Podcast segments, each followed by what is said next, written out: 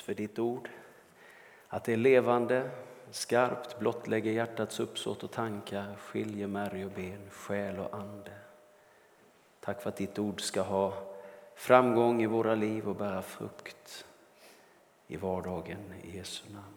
Amen.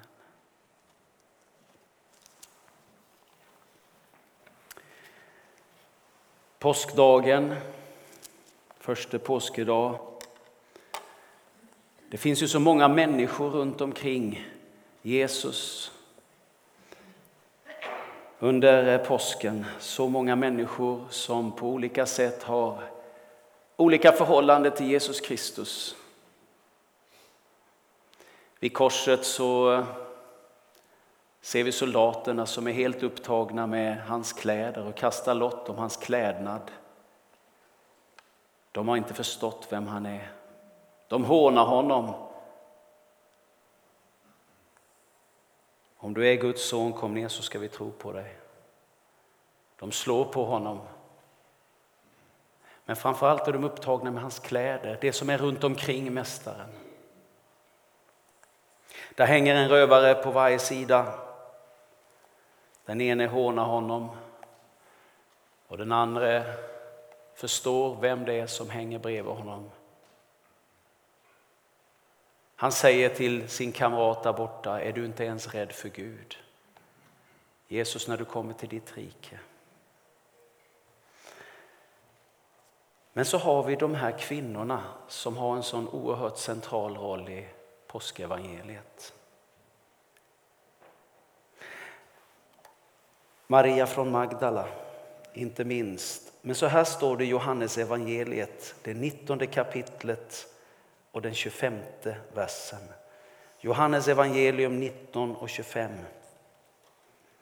Men vid Jesu kors stod hans mor och hennes syster Maria som var gift med Klopas och Maria från Magdala.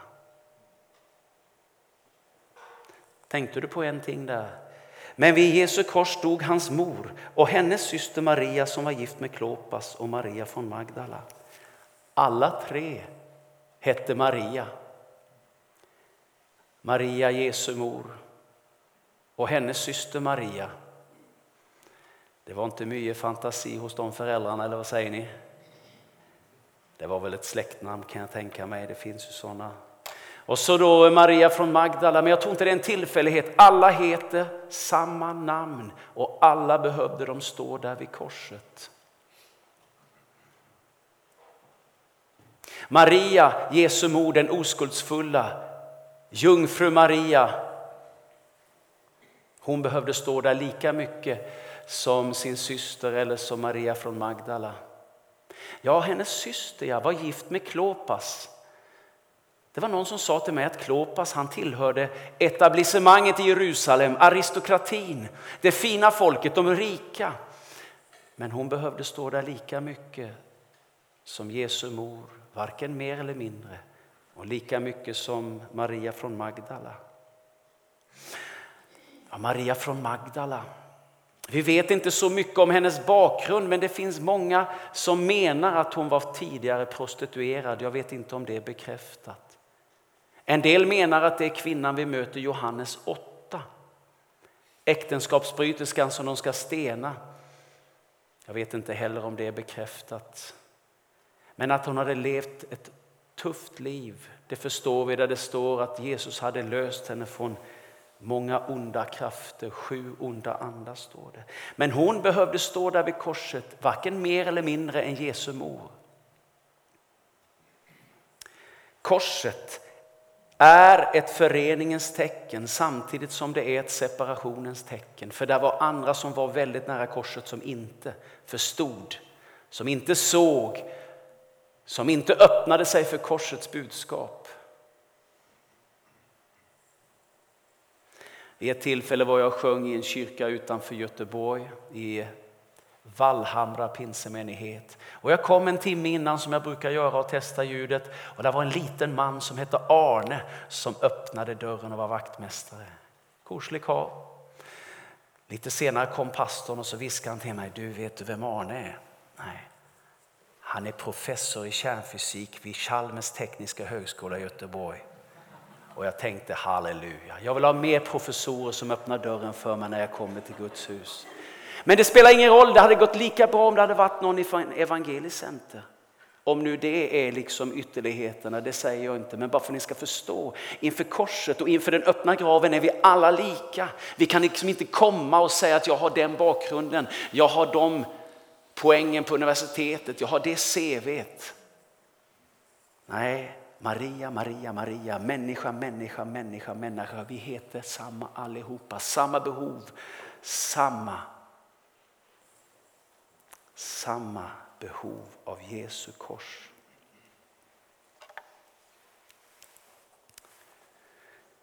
Just detta att korset och graven förenar människor. Första gången jag var i Israel 1991 med min fru Lindas släkt. Vi var 15 stycken. Och så kommer vi mitt i Jerusalem till detta som kallas Gordons Golgata. Många av er har varit i Israel och vet. Det finns ju olika meningar om var korset stod någonstans och var graven fanns. Det finns något som heter klippgraven mitt inne i Jerusalem, i gamla Jerusalem. Och, och där menar en del att det är. Sen fanns det en general Gordon Gordon som kom till Jerusalem i mitten på 1800-talet och så fann han denna trädgården som ligger utanför stadsmuren. Och precis bredvid fanns det en kulle som såg ut som en huvudskalle. Och i den här trädgården, i den hagen fanns det en klippgrav. Det fanns en vinpress, det fanns så mycket som tydde på att detta skulle kunna vara platsen. Så han köpte det här området och det bildades en, en förening som än idag, 150 år senare, arbeta med detta.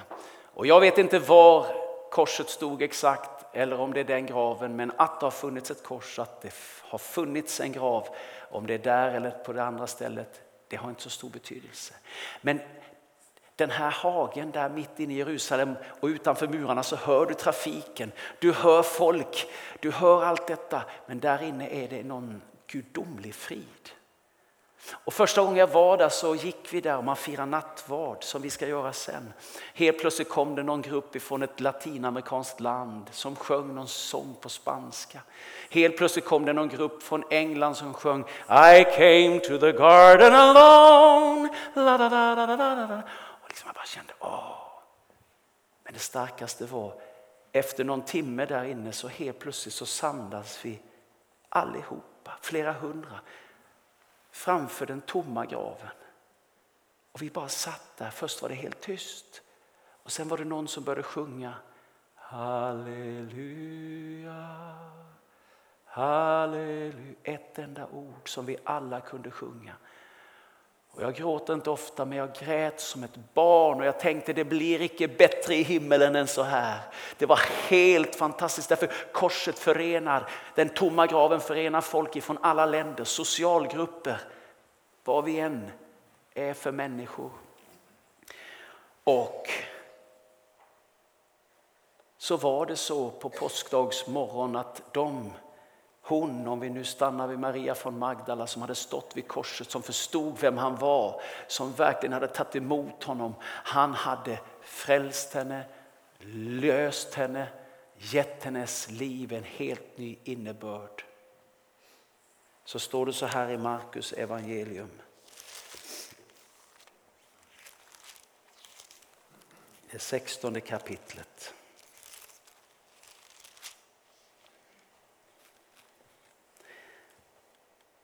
Tidigt på morgonen, vers 2, Markus 16 och 2. Tidigt på morgonen efter sabbaten kom de till graven när solen gick upp och de sa till varandra.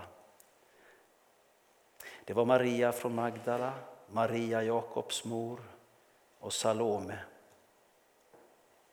Vem ska rulla undan stenen från graven åt oss? Och du har säkert hört många Många utläggningar om det här med stenen. Vem ska rulla undan stenen? Om vi nu tror att Maria från Magdala är den kvinnan som vi möter i Johannes det åttonde kapitlet, hon som skulle stenas. Så var det inte första gången som sten var ett problem för henne. Där står kanske 10 fariseer, 15, 20 med stenar i sina händer. Hon tänker, Snart kommer de som ett regn över mig och det är slut. Det är en märklig berättelse, Johannes 8. Vet du, I den svenska bibeln så står den, och jag tror hela den berättelsen står inom parentes. Säger ni parentes på norsk? Inom klamrar. Någon sa till mig, jag är ju ingen teolog utan jag får ju lytta till vad andra säger, men någon har sagt till mig att den står där inom parentes därför den har lyfts ut och in i olika bibelöversättningar under 2000 år. Därför en del menar att nåden den är för stor i Johannes 8. Hon blev ju ändå ertappad med äktenskapsbrott på bar gärning. Bar gärning, jag tänker alltid om det var bar gärning, det må väl ha varit en man i närheten eller vad tror ni? Det är ju helt sykt. Varför kom inte han? Varför drog de inte fram han och stenade honom också? Därför det är alltid den svagare.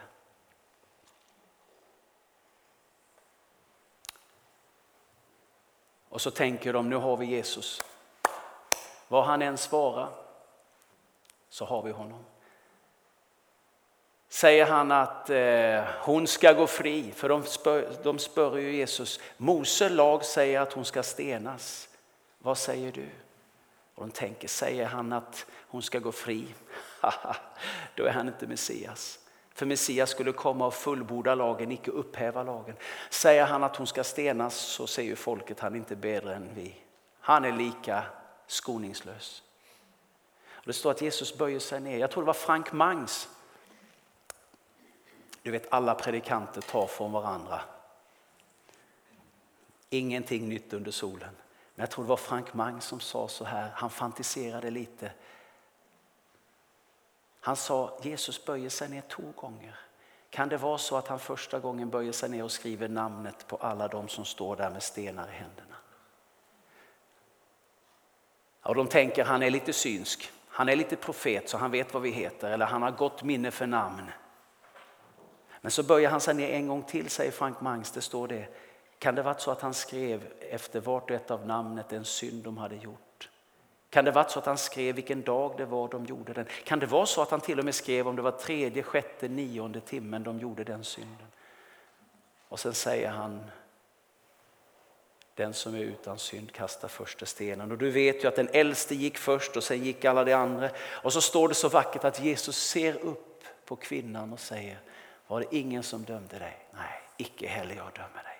För det står i Johannes 3 och 17 att han kom icke för att döma världen utan för att frälsa världen. Amen. Han kom för att frälsa världen. Tillbaka nu till påskdagsmorgonen. Ytterligare en sten i hennes liv som är ett stort problem. Vem ska rulla undan stenen? För hon trodde ju inte på uppståndelsen i det läget. Hon kom dit för att smörja hans döda kropp. De hade ju inte förstått att han hade sagt att jag ska uppstå igen. Hon trodde detta är det sista jag ska göra för honom. Han som gav mig glädje och hopp. Men nu är det slut, nu är det över. Men det var då det började. Du vet påskdagen, det är kristendomens födelsedag. Det var då det började. Idag är det en sån mäktig väckelse. Jag fick talat i tisdags med en man som har varit i Angola och jobbat för Sida, svenska statens biståndsorganisation. Han är en kristen man, han sa det är helt otroligt i Angola. Just nu, jag har film där man har ett dop med människor som precis har kommit till tro. Det var 7200 som döptes på en dag. Och vi tänker pinsedagen, det var 3000. Här var det 7200 i Angola. Det är en sån tid för Guds rike just nu. Vi kan tycka det är lite tregt i Sverige och Norge, men det tror vi ska vända. Men globalt sett så är det en våldsam tid för evangeliet nu. Och vi kan tänka den här stenen, vad är det egentligen? Man brukar säga att den där stenen kan vara olika ting i ditt och mitt liv som gör att vi inte ser att Jesus verkligen lever. Det kan vara, det kan vara eh, status i samfundet. Vi klättrar, det är så viktigt vem jag är, vem jag är inför andra. Materiella ting. Det var någon som sa alla är glada för sin Audi innan nabon kommer med sin Tesla. Du vet, vi vill hela tiden Upp, upp, upp, upp. Ny hytte, bam, bam, bam. Är det en sten för dig? För att verkligen se livet i Kristus? Det materiella, statusen i samfundet? Eller underhållning, vad det nu kan vara. Intellektualism, allt det där som vill vara den där stenen som hindrar oss. Och när de kommer fram så är stenen redan bortrullad men ändå finns inte Kristus där.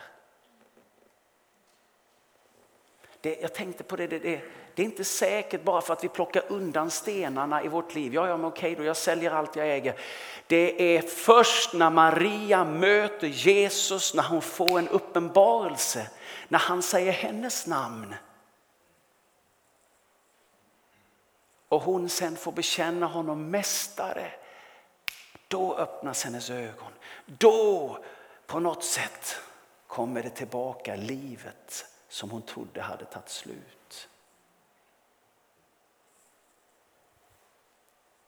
Så egentligen säger jag inte att det som jag sa innan kanske är en sten för någon. behöver inte vara en sten för det handlar om att få en uppenbarelse om att han lever och möta honom. Jag hade en kamrat som satt och vittnade för en eh, icke troende och han sa, du vet jag är kristen, okej. Okay. Ja, jag ber varje dag. Ber du varje dag? Ja, ja. Jesus lever så jag ber till honom. Varje... Vadå Jesus lever? Vet, han är död 2000 år sedan. Nej, vi firar ju påsk. Vet du inte påskens evangelium är att han uppstod igen. Och sen på Kristi himmelfärdsdagen så for han upp och sitter på Faderns högra sida. Och eh, där ber han för dig och mig och vi ber och jag ber till honom. Ah, De satt i två timmar och till sist så blev den här kamraten nästan övertygad om att det må ju vara sant. Så han sa, men om detta är sant att Jesus lever, det är ju någonting som alla kristna i Sverige må få reda på. Ja, jag visste inte om jag skulle skratta eller gråta när jag hörde det. Jag tänkte, märks det så lite? Märks det så lite att Jesus lever i mitt liv? Jag pekar inte finger åt någon annan, men jag tänker, märks det så lite eller är det bara så att Mikael Jallerstrand, du vet han tillhör pinsevännerna, de är lite avfladiska sådär. De har en egen liten teologi och de tror de blir ensamma i himlen också de där pinsevännerna. Du vet. Nej, jag önskar att ingen visste att jag var pinsevän utan jag var en Jesusvän. Det är han. Jag hörde en liten historia från skolans värld som är väldigt naiv men den är underbar. Lille Olle han var icke med på lektionen i skolan. Detta var på 50-talet när det var skicklig kristendomsundervisning. Och det var ukan före Kristi himmelsfärdsdagen och fröken berättade för hela klassen, ni förstår Kristi himmelsfärdsdagen, det handlar om att Jesus for upp och satte sig på faderns högra sida.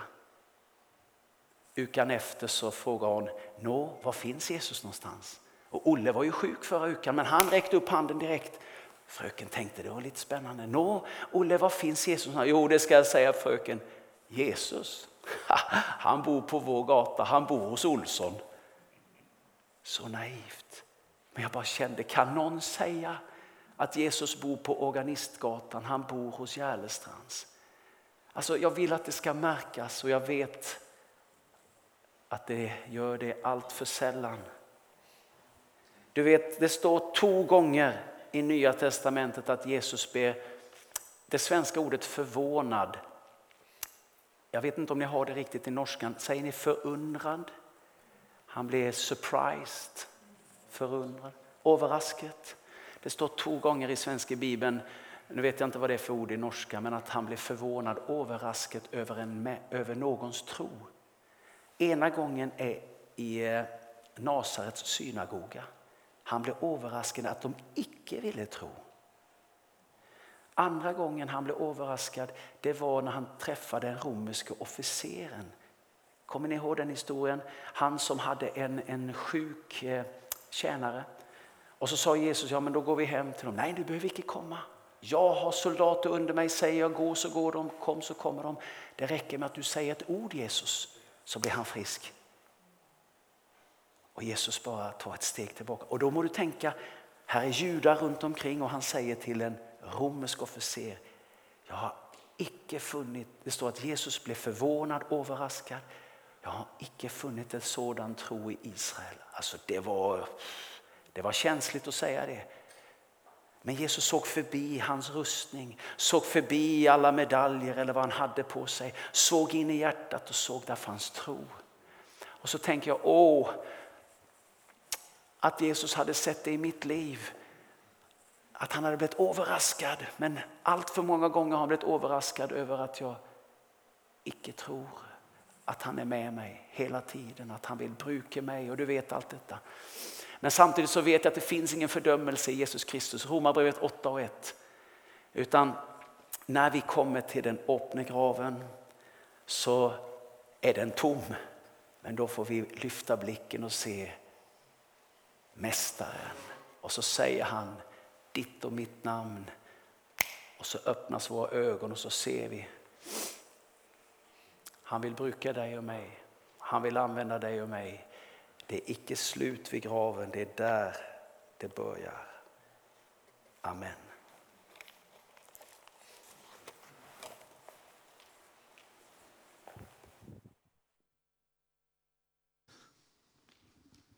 Ja, mange tusen takk for det du fikk fortelle oss. Og så var det et annet ord òg for overrasket, forundret. Var gjerne ligna mer deres. Han undret seg, han ble forundret. Ja, mm, takk og lov at du ble det, Jesus.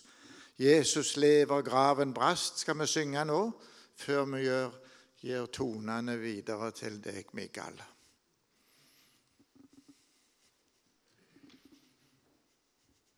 Og så blir det øh, et nummer, gjerne Vipps nummer som du som vil gi en gave til misjonen.